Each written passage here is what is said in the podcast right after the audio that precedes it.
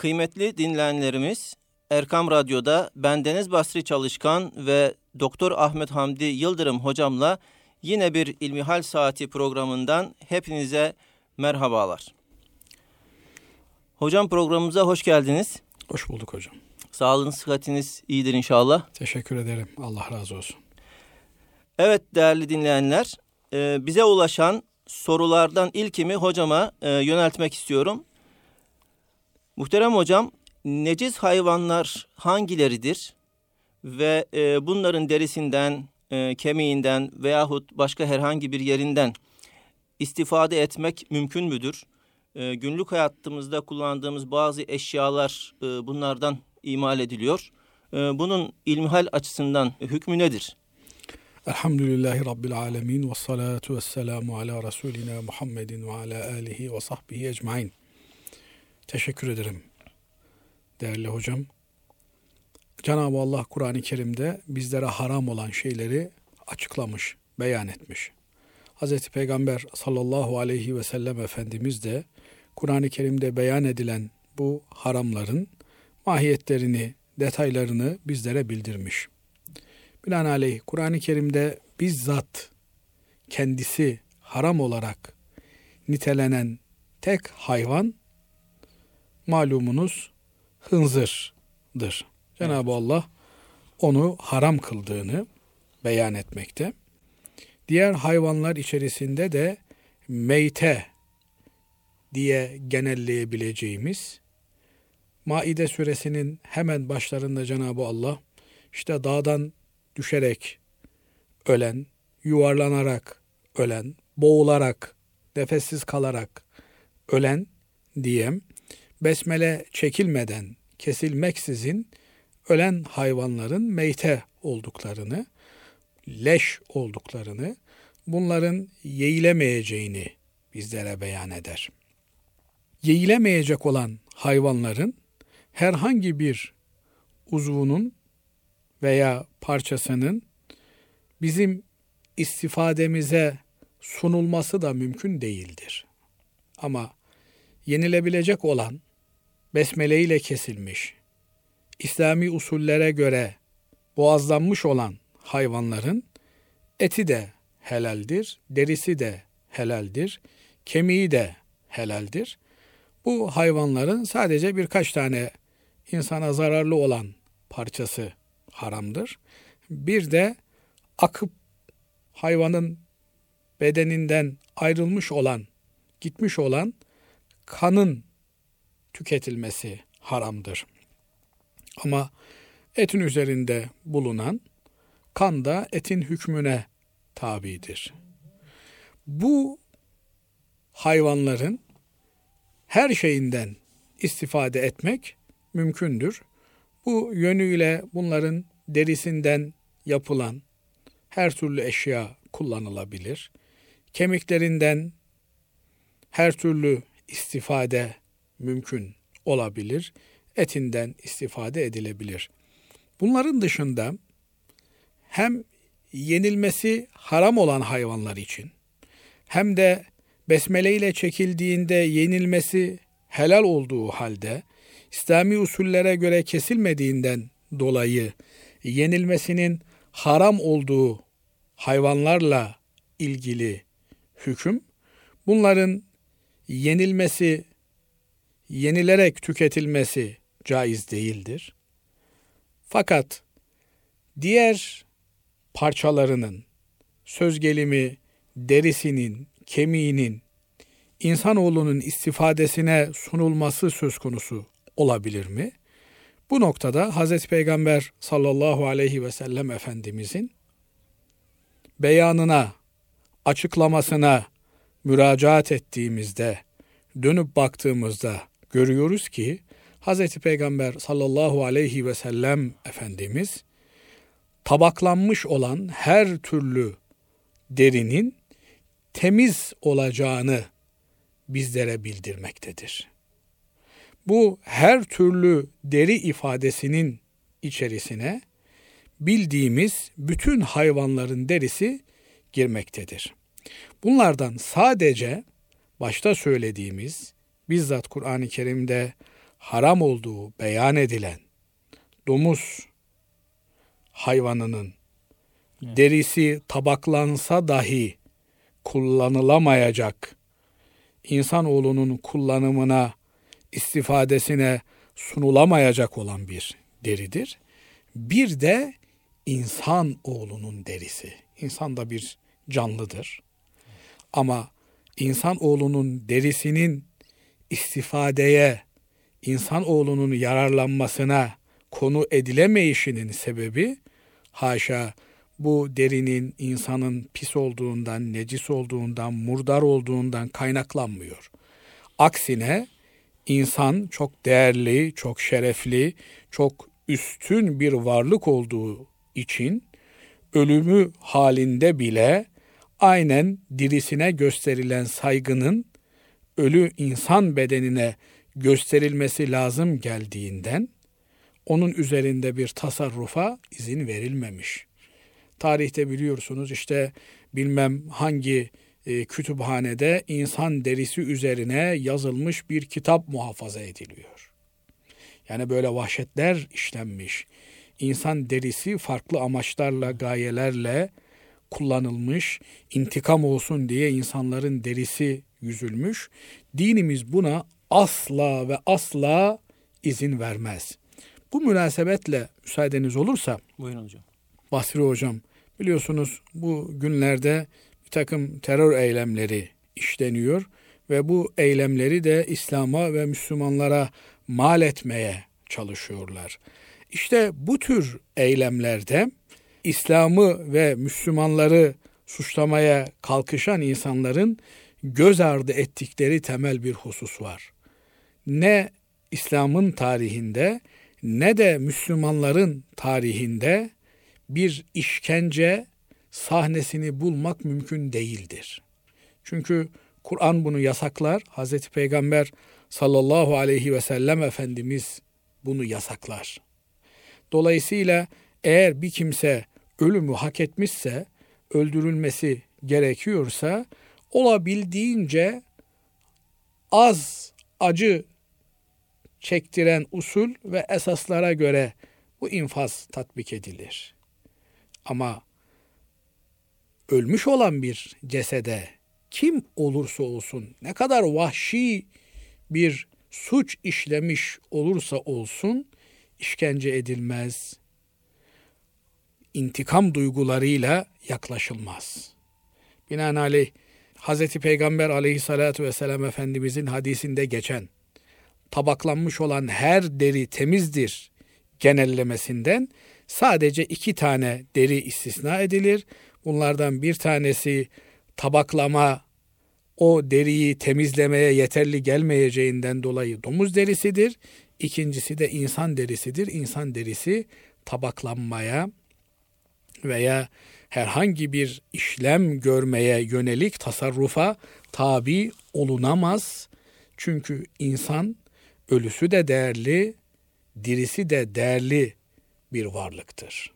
Bunun haricinde timsah derisi olsun, tilki derisi olsun, efendim samur derisi olsun, ne derisi olursa olsun tabaklanmak suretiyle tabaklama işlemini biliyorsunuz güneşte kurutulmakla e, derinin kurutulması yöntemi ile olabiliyor veya bir takım kimyasallar kullanılmak suretiyle derinin tabaklanması mümkün olabiliyor.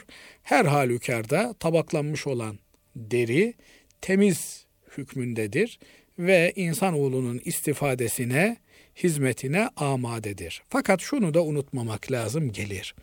Bir şeyin e, kullanımının helal olması, mesela söz gelimi tilkinin derisini tabaklamak suretiyle kullanabilirsiniz. Evet. Ama eğer bu bir tilki katliamı yapmaya götürecekse, bir vahşete sebep olacaksa buna asla müsaade edilmez. Binaenaleyh yani keyfe keder efendim derisinden istifade edelim diye ihtiyaç yokken bu tür hayvanları avlamak, bunlara bir takım tuzaklar kurmak suretiyle onları toplamak asla tasvip edilebilecek bir davranış değildir. Ama ihtiyaç vardır. İhtiyaç durumunda Cenab-ı Allah bu hayvanları biz insanoğlu için yaratmıştır. Fakat bir lüks olsun diye, bir gösteriş olsun diye efendim koca bir fili dişinden sebep öldürmeye ama ihtiyaç vardır. Yani o diş bir takım tıbbi faideler için kullanılıyordur. Hayati önemi haizdir. O zaman böyle bir yola başvurmayı konuşabiliriz. Fakat böyle bir gerekçe yok iken bu hayvanların sırf derilerinden dolayı telef edilmesi asla uygun bir şey olamaz. Allah razı olsun hocam. Ee, oldukça açıklayıcı oldu. Ee, bize gelen diğer bir soru da şöyle muhterem hocam. Baskı altında yapılan e, nikah akti geçerli midir? Evet. Şimdi nikah bir hukuki işlemdir. Evet. Bütün hukuki işlemlerde asıl olan bu işlemleri, akitleri yapanların hür ve serbest iradeleridir. Dolayısıyla baskı altında bir alım satım olamayacağı gibi baskı altında evliliğe evet demek de olamaz. Fakat bu baskı ifadesini iyi tahlil etmek gerekiyor. Efendim e, babam çok baskı yaptı ben onun hatırını kıramadım ondan dolayı ben sana evet demiştim. E binaenaleyh baskı altında yapılan nikah geçersizdir. Hoca öyle söyledi. Hı hı. Binaenaleyh bizim nikahımız geçersiz. Böyle değil. Evet. Yani burada baskı dediğimiz, ikrah dediğimiz unsur kişi silahı çekmiş, alnına dayamış. Ya evet dersin ya da kurşunu basarım. Burada bile Ebu Hanife Hazretleri diyor ki insan bir seçim yapmak durumundadır. Yani kurşunu tercih edebilir adam mesela diyor. Binaenaleyh kurşunu tercih etmeyip evlenmeyi tercih ettiğine göre ben bu evliliği geçerli sayarım diyor. Peki ikrah nedir Ebu Hanife'ye göre? Ebu Hanife'ye göre ikrah kişinin tamamen iradesi dışında cereyan eden bir hadisedir. Mesela tutmuşlar, adamı kaldırmışlar, bir başkasının üzerine bırakmışlar. İkinci kattan, üçüncü kattan bıraktıklarında işte altta kimin üzerine düşmüşse o adam da ölmüş. E kim öldürdü alttaki adamı? İşte Ahmet'i attılar da Ahmet öldürdü. Evet. Ebu Hanife Hazretleri burada diyor ki hayır Ahmet öldürmedi diyor. Ahmet'i atan öldürdü Atanlar diyor. Çünkü ikrah evet. söz konusu burada. Adam kendi isteyerek düşmedi oraya diyor. Ama eğer bir tercih yapmanız söz konusu ise yani işte adam diyor ki size 10 milyon dolar veriyorum hanımını boşa. E siz de boşuyorsunuz. İşte Allah muhafaza etsin. E diyorsunuz ki kardeşim 10 milyon dolar gibi bir baskı unsuru vardı. Tabii bu sayılmaz. Bu bir baskı unsuru bu değil. Evet. Ama genelde alimlerimiz ikrahı, baskı unsurunu şöyle değerlendirmişler. Basri hocam. Diyorlar ki bir kişinin hayati tehlikeyle karşı karşıya kalması. Yani ya dediğimizi yaparsın ya da seni öldürürüz. Bunu diyen adam da hakikaten sözünün eri. Yani öldürürüm dedi mi öldürür bir tip ise burada bu ikrah oluşmuş veya seni hapse atarız. Hapis dediğimizde tabi yani bugün e, memleketimizdeki gibi insanların kışı geçirmek için sığındıkları bir barınak olarak düşünmeyin. Hakikaten üç gün kalan, bir hafta kalan insanın e, çok ciddi hastalandığı, bir uzvunu kaybettiği, ağır şartların bulunduğu hapishaneler söz konusu ise o zaman bu da bir ikrah sebebi oluşturur. Bu noktada alimlerimiz ağırlıklı olarak bu tür ikrah neticesinde yapılan akitlerin geçerli olmayacağını beyan ederler. Burada bir başka önemli husus da şudur. Bu ikrahı nasıl ispat edeceksiniz? Yani öbür türlü adam çıkar der ki kardeşim ben hanımımla ikrah altında evlendim. Evet. Bunu, nasıl ispat edeceksiniz?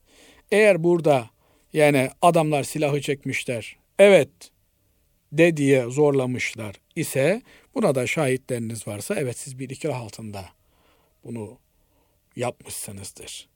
Eğer öyle bir durum söz konusu değilse herkes böyle bir iddiayla ortaya çıkabilir. Binaenaleyh bu mesele mezheplerimiz arasında ihtilaflı bir konudur. Ama e, son dönem Osmanlı aile hukuku kararnamesi her ne kadar yürürlüğe girmesi için gerekli olan resmi prosedürü tamamlayamamış ise de dönemin alimleri tarafından, memleketimizin uleması tarafından itibar görmüş bir kararnamedir. Aile hukukuna ilişkin olarak bu kararnamede ikrah altındaki boşamanın ve ikrah altındaki evlenmenin geçerli olmayacağını ifade eder. Muhterem hocam, hayatta özellikle modern hayatta çeşitli e, filmler olsun veya değişik e, ortamlarda bulunuyoruz. Düşünce ve hayalimizden geçenlerden sorumlu muyuz? Birçok düşünce aklımıza geliyor, kalbimize geliyor. İstemesek de e, bunlar e, gelebiliyor. E, bunlardan Allah indinde sorumlu olur muyuz? Evet. Bu da e, güzel bir soru. Hatırlayabildiğim kadarıyla e, Basri Bey, Bakara suresinin son ayetleri Miraç hediyelerinden bir tanesi olarak Hazreti Peygamber sallallahu aleyhi ve sellem Efendimiz'e veriliyor. O ayetlerin hemen üstünde Allah sizin aşikar işlediklerinizi de gizlediklerinizi de bilir ve ondan size hesaba çeker malinde bir ayeti kerimeyi Cenab-ı Allah gönderiyor. Bunu duyan sahabe efendilerimiz birbirlerine biz şimdi mahvolduk, perişan olduk diyerek söylenmeye başlıyorlar. Efendimiz aleyhissalatu vesselamın huzuruna geliyorlar ve diyorlar ki Ya Resulallah bizim aklımızdan envai türlü şeyler geçiyor. Kalbimizden, gönlümüzden mani olmaya çalışsak da istemesek de üstesinden gelemeyeceğimiz, engel olamayacağımız bir takım şeyler geçiyor. Eğer Cenab-ı Allah bunların hesabını bize sorar ise biz mahvolduk, bittik, tükendik diyorlar. Hz. Peygamber sallallahu aleyhi ve sellem Efendimiz bu Bakara suresinin son ayetlerini bir miraç hediyesi olarak getirdiğinde ashab-ı kiram efendimiz rahatlıyorlar.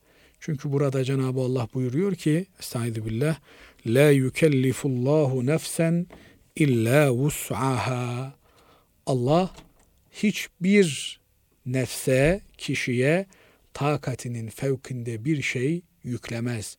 Gücünün üstünde bir şeyle Allah hiç kimseyi sorumlu tutmaz.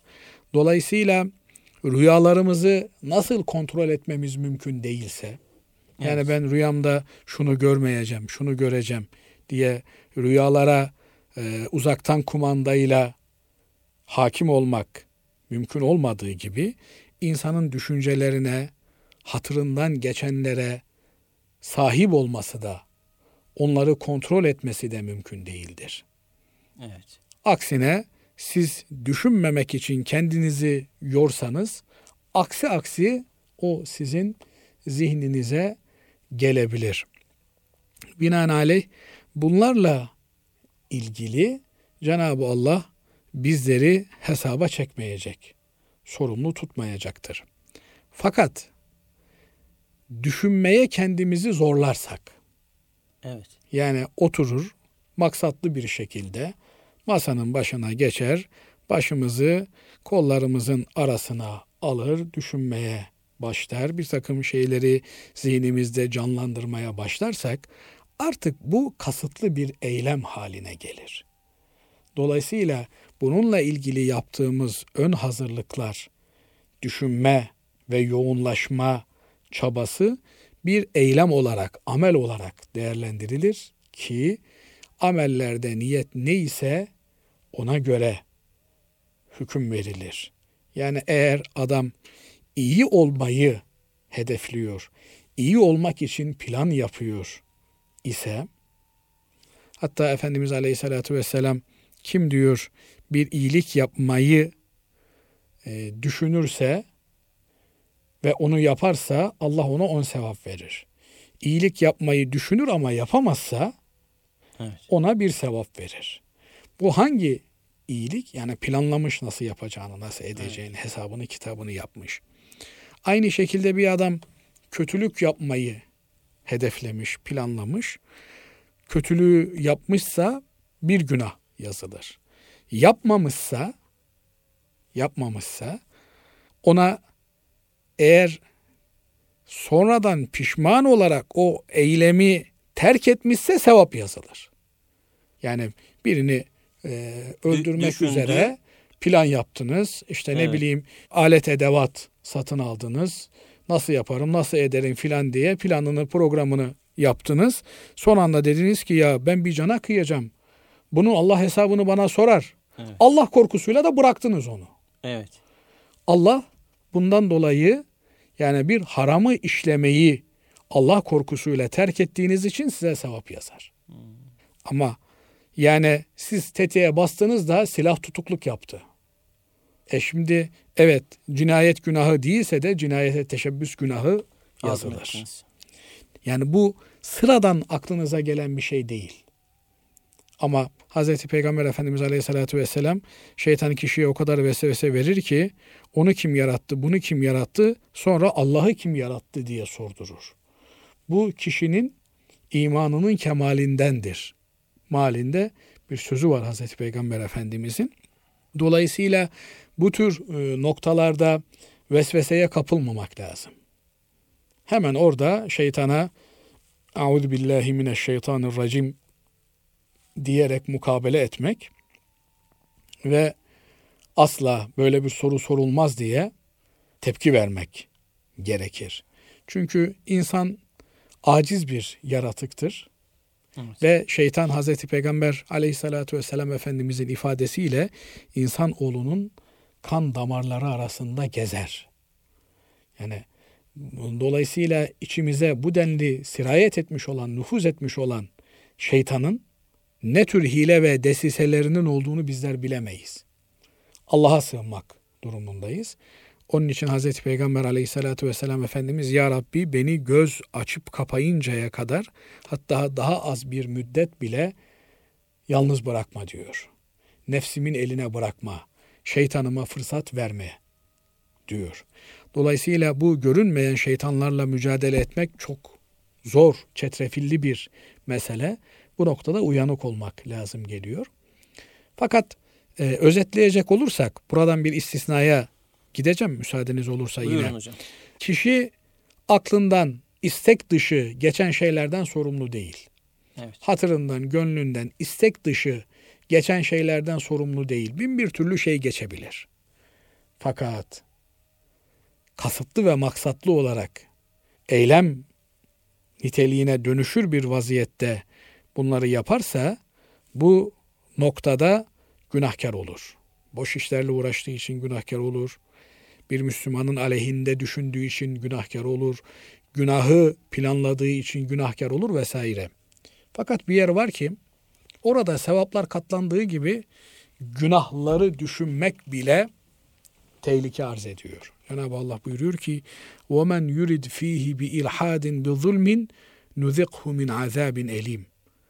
Beytullah'ta, Kabe-i Muazzama'da ve onun civarında, harem bölgesinde Cenab-ı Allah'ın hürmetli gördüğü, yasak bölge ilan ettiği o bölgede günahı aklından geçirmek bile yasaklanmış. Dolayısıyla e, orada sevapların bine çarpıldığı, bine katlandığı bir yer, orada niyet olarak da, gönül olarak da saf bir niyetle, güzel bir gönülle bulunmak gerekiyor. Ama yine tekrar edeyim, orada bile olsa şeytanın insanın aklına attığı vesveselerden insan sorumlu değil. Yani bin bir türlü vesveseyi insanın aklına şeytan atabilir. Onu bertaraf ettiğimiz, def ettiğimiz sürece sıkıntı yok. Ama onu alır onun üzerine plan kurmaya başlarsak o zaman Allah muhafaza etsin tehlike sınırına yaklaşmış oluruz. Evet. Yine bize ulaşan sorulardan bir tanesini hocama e, yöneltmek istiyorum. Ahir zaman fitneleri nasıl ortaya çıkacak ve bu fitnelere karşı kendimizi nasıl koruyabiliriz? Evet. Güzel bir soru. Şimdi o ahir zaman fitneleriyle ilgili, kıyamet alametleriyle ilgili e, hemen aklıma Hazreti Peygamber sallallahu aleyhi ve sellem Efendimizin dinimizi anlattığı Cibril hadisi geliyor. Biliyorsunuz Hazreti Ömer evet. Efendimiz hadisi şerifi şöyle bizlere naklediyor. Bir defasında Hazreti Peygamber sallallahu aleyhi ve sellem Efendimizin huzurunda bulunuyorduk. Bir adam çıkıp geldi. Onu tanımıyorduk ve üzerinde bir yolculuk alameti de görünmüyordu. Bembeyaz elbiseleri, simsiyah saçlarıyla çıkıp geldi, dizlerini Hazreti Peygamber sallallahu aleyhi ve sellem Efendimizin dizlerine dayadı, ellerini dizlerinin üzerine koydu ve iman nedir diye sordu. Manzaraya bakar mısınız? Tanımadıkları bir kimse. Yani Medine'de Müslümanların sayısı belli. Herkes evet. birbirini tanıyor. Bu gelen zatı tanımıyorlar. Demek ki uzaktan gelmiş bir yolcu. Ama uzaktan gelen adamın üzerinde de bir yolculuk alameti olması lazım. Evet. Uzak bir yoldan geldiğinin anlaşılabilir olması lazım. Efendim saçının sakalının dağınık olması, tozlanmış olması, elbisesinin kirli paslı olması gerekir. Fakat öyle değil. Gelen gayet muntazam. Saçı sakalı düzgün, simsiyah, elbisesi bembeyaz. Sanki yan odadan çıkıp gelmiş gibi ama hiçbirimiz tanımıyoruz. Geliyor ve Hazreti Peygamber aleyhissalatu vesselam Efendimizin oturduğu yere yaklaşıyor, dizini dizlerine dayıyor. Bakın bu çok önemli bir tasvir. Yani çok dikkatini çekmiş Ömer Efendimizin. Dizini dizine dayıyor Peygamber Efendimizin. Diz dize, göz göze geliyor Hazreti Peygamber sallallahu aleyhi ve sellem Efendimizle. Ellerini dizlerinin üzerine kemali edeple gayet saygılı bir şekilde koyuyor ve bir öğrencinin, talebenin nasıl olması gerektiğini bize öğretiyor. Yani öğrenci hocasıyla böyle bir fiziki temas kuracak. Dizini dizine dayayacak. Gözüyle gözüne bakacak. Kalbinden, gönlünden ilham alacak. Böyle bir atmosferde yetişecek. Sonra Efendimiz'e iman nedir diye soruyor. Hazreti Peygamber sallallahu aleyhi ve sellem Efendimiz imanı anlatıyor. Allah'a iman etmen, kitaplarına, meleklerine, peygamberlerine, ahiret gününe, öldükten sonra dirilmeye, hayrın ve şerrin, kaderin Allah'tan olduğuna inanmandır diyor. Soruyu soran peşinde de diyor ki sadakte, doğru söyledin diyor. Hazreti Ömer Efendimiz yine araya giriyor diyor ki şaştık kaldık diyor. Hem soru soruyor hem de tasdik ediyor diyor. Yani sanki bilmemezlikten kaynaklanan bir soru sorma değil de böyle ben Peygamber Efendimiz'e soruyorum. Ey cemaat siz de öğrenin der gibi bir eda içerisinde soruyor. Hem soruyor hem de peşinden Efendimiz Aleyhisselatü Vesselam'ın cevabını da tasdik ediyor. Şimdi bunu şunun için anlatıyorum. Son cümle önemli bu hadiste. Ama Yeri gelmişken önemli bir hadis tekrar sevgili dinleyenlerimizle beraber paylaşalım istiyorum. Çünkü Hz. Peygamber Efendimizin hadislerini ne kadar konu edinirsek edinelim hakkını veremeyiz. Yeterince onların manasına nüfuz edemeyiz. Diyor ki bu zat İslam nedir diyor. Hazreti Peygamber Efendimiz Allah'tan başka ilah olmadığına, Muhammed Mustafa'nın onun Resulü olduğuna iman etmendir.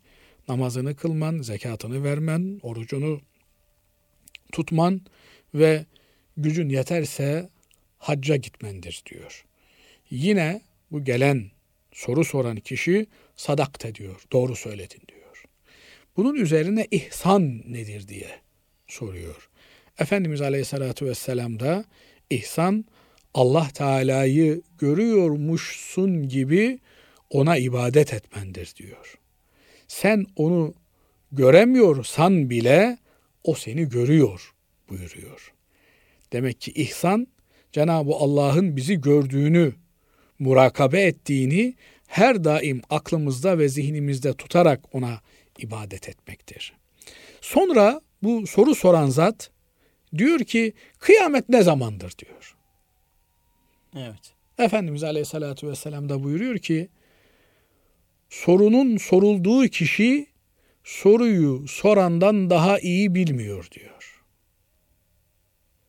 Yani adeta diyor ki Hazreti Peygamber Efendimiz sen benden daha iyi biliyorsun diyor. Evet. Kaldı ki sen de bilmiyorsun diyor. Yani kıyametin ne zaman kopacağını kimse bilmiyor Allah Teala'dan başka. Evet. Bunun üzerine bu gelen zat diyor ki alametleri nelerdir diyor. Efendimiz Aleyhissalatu vesselam kıyametin alametlerinden bahsediyor. Diyor ki işte yalın ayak, e, başı açık, cız cıbıldak kimselerin koyun veya deve çobanlarının yüksek yüksek binalar yapmasıdır diyor. Evet hocam. Yani binaların, yüksek katlı binaların çoğalması, zenginliğin el değiştirmesi. Yani fakirlerin zengin, zenginlerin fakir hale gelmesi. Ve en telidel emetu rabbeteha. Cariyenin, köle kadının kendi efendisini doğurmasıdır diyor. Bu ne demek hocam? Nasıl anlamamız Bu enteresan bir şey. Yani sen çocuğuna köle haline geliyorsun. Anne çocuğunun kölesi haline geliyor. Artık çocuklar saltanatlarını ilan etmişler evlerde. Ne derlerse o oluyor. Bütün ev çocukların arzu ve isteklerine göre şekilleniyor. Binaenaleyh artık eskiden işte puta vesaireye filan tapılıyordu. Şimdi her dediği yapılan çocuk adeta bir efendi, bir tanrı makamına konulmuş. Onun hatırı kırılmıyor, onun istekleri reddedilmiyor. Böyle bir döneme girilecek diyor Efendimiz Aleyhisselatü Vesselam. Şimdi asıl hatırlatmak istediğim nokta Basri Hocam şu. Efendimiz Aleyhisselatü Vesselam ondan sonra adamcağız geldiği gibi kayboluyor. Evet. Efendimiz buyuruyor ki bu gelen kimdi biliyor musunuz diyor. Ashab-ı kiram her zaman olduğu gibi diyorlar ki ya Resulallah Allah ve Resulü daha iyi bilir diyorlar. Efendimiz Aleyhisselatü Vesselam buyuruyor ki bu gelen Cebrail'di. Size dininizi öğretmek için geldi diyor. Bakın bu ifade çok can alıcı nokta burada. Size dininizi öğretmek için geldi. Yani bu yukarıda sayılan şeyler din ve bunları size öğretmek için Cebrail aleyhisselam geldi. Bana soru soruyormuş gibi yaptı. Ben cevabını verdim. İşte bu yukarıda sayılan dört madde dini teşkil ediyor. Yani çoğu zaman şunu duyarız işte din e, üç ayaklıdır. iman, İslam ve ihsan ayakları vardır. Ama evet. Hazreti Peygamber Efendimizin sallallahu aleyhi ve sellem tabirinin içerisinde size dininizi öğretmeye gelen Cebrail dört şey soruyor. Üç evet. şey sormuyor. Yani İslam'ı soruyor, imanı soruyor, ihsanı soruyor ve kıyamet alametlerini soruyor. Yani kıyamet alametleriyle ilgilenmek, fitne döneminin alametleriyle o gün neler olacağıyla ilgilenmek bir Müslüman olarak, dindar bir insan olarak benim vazifem. Binaenaleyh kıyamet alametlerinden olan şeyleri ötelemem gerekiyor. Bunlardan kaçmam gerekiyor. Eğer Efendimiz Aleyhisselatü Vesselam yüksek yüksek binalar kıyamet alametidir diyorsa bir Müslüman olarak yüksek yüksek binalar yapmam doğru değil. Evet. Yani dolayısıyla eğer bu bir kıyamet alameti olarak değerlendiriliyorsa Müslüman şehir planlamasında yatay şehirciliği öncelemek durumundadır. Dikey şehirciliği değil. Çünkü onun din anlayışıyla bağdaşmaz. Bir diğer mesele de eğitim meselesidir. Yani eğitimde çocuk endeksli bir eğitim mi? Çocuğun her istediğinin olduğu, her arzusunun yerine getirildiği, hiçbir şeyine yok denilmediği bir eğitim modeli mi? Yoksa önceliklerinin ortaya konulduğu ve buna göre çocukların yetiştirilmesi gereken bir eğitim modeli mi benimser Müslüman?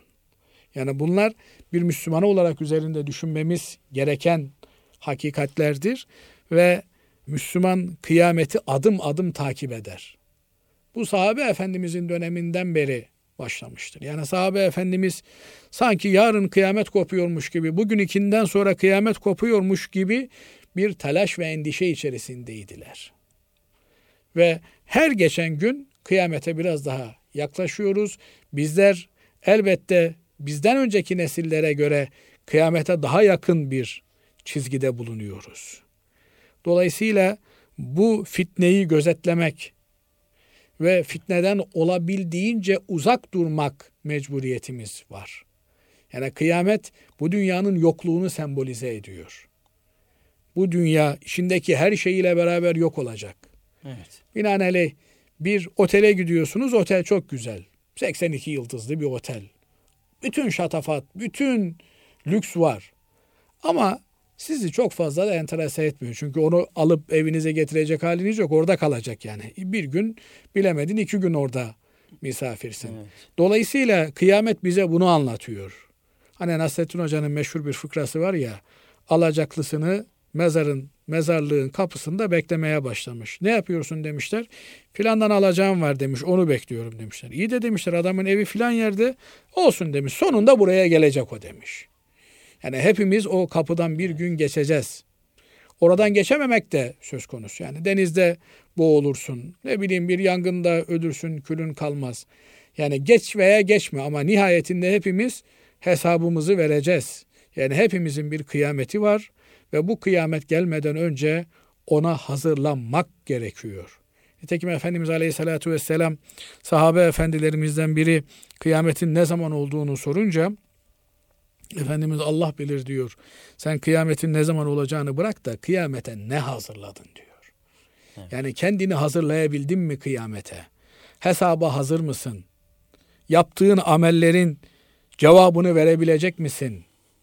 Yani bırakın koca bir ömrü, bir saatin hesabını bize soracak olsalar nasıl bunun altından kalkabileceğiz?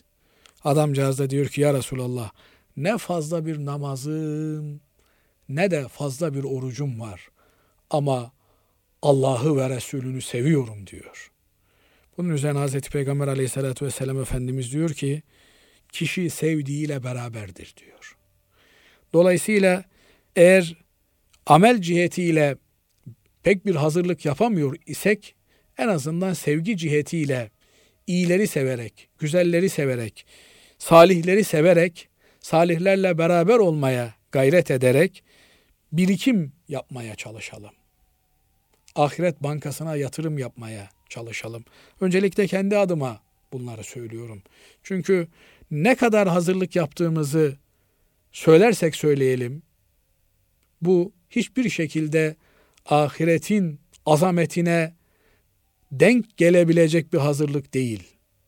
O gün dehşet bir an, dehşet bir senaryo, dehşet bir sahne sahnelenecek. Yani Kur'an-ı Kerim'deki kıyamet tasvirlerine bakmak gerekiyor.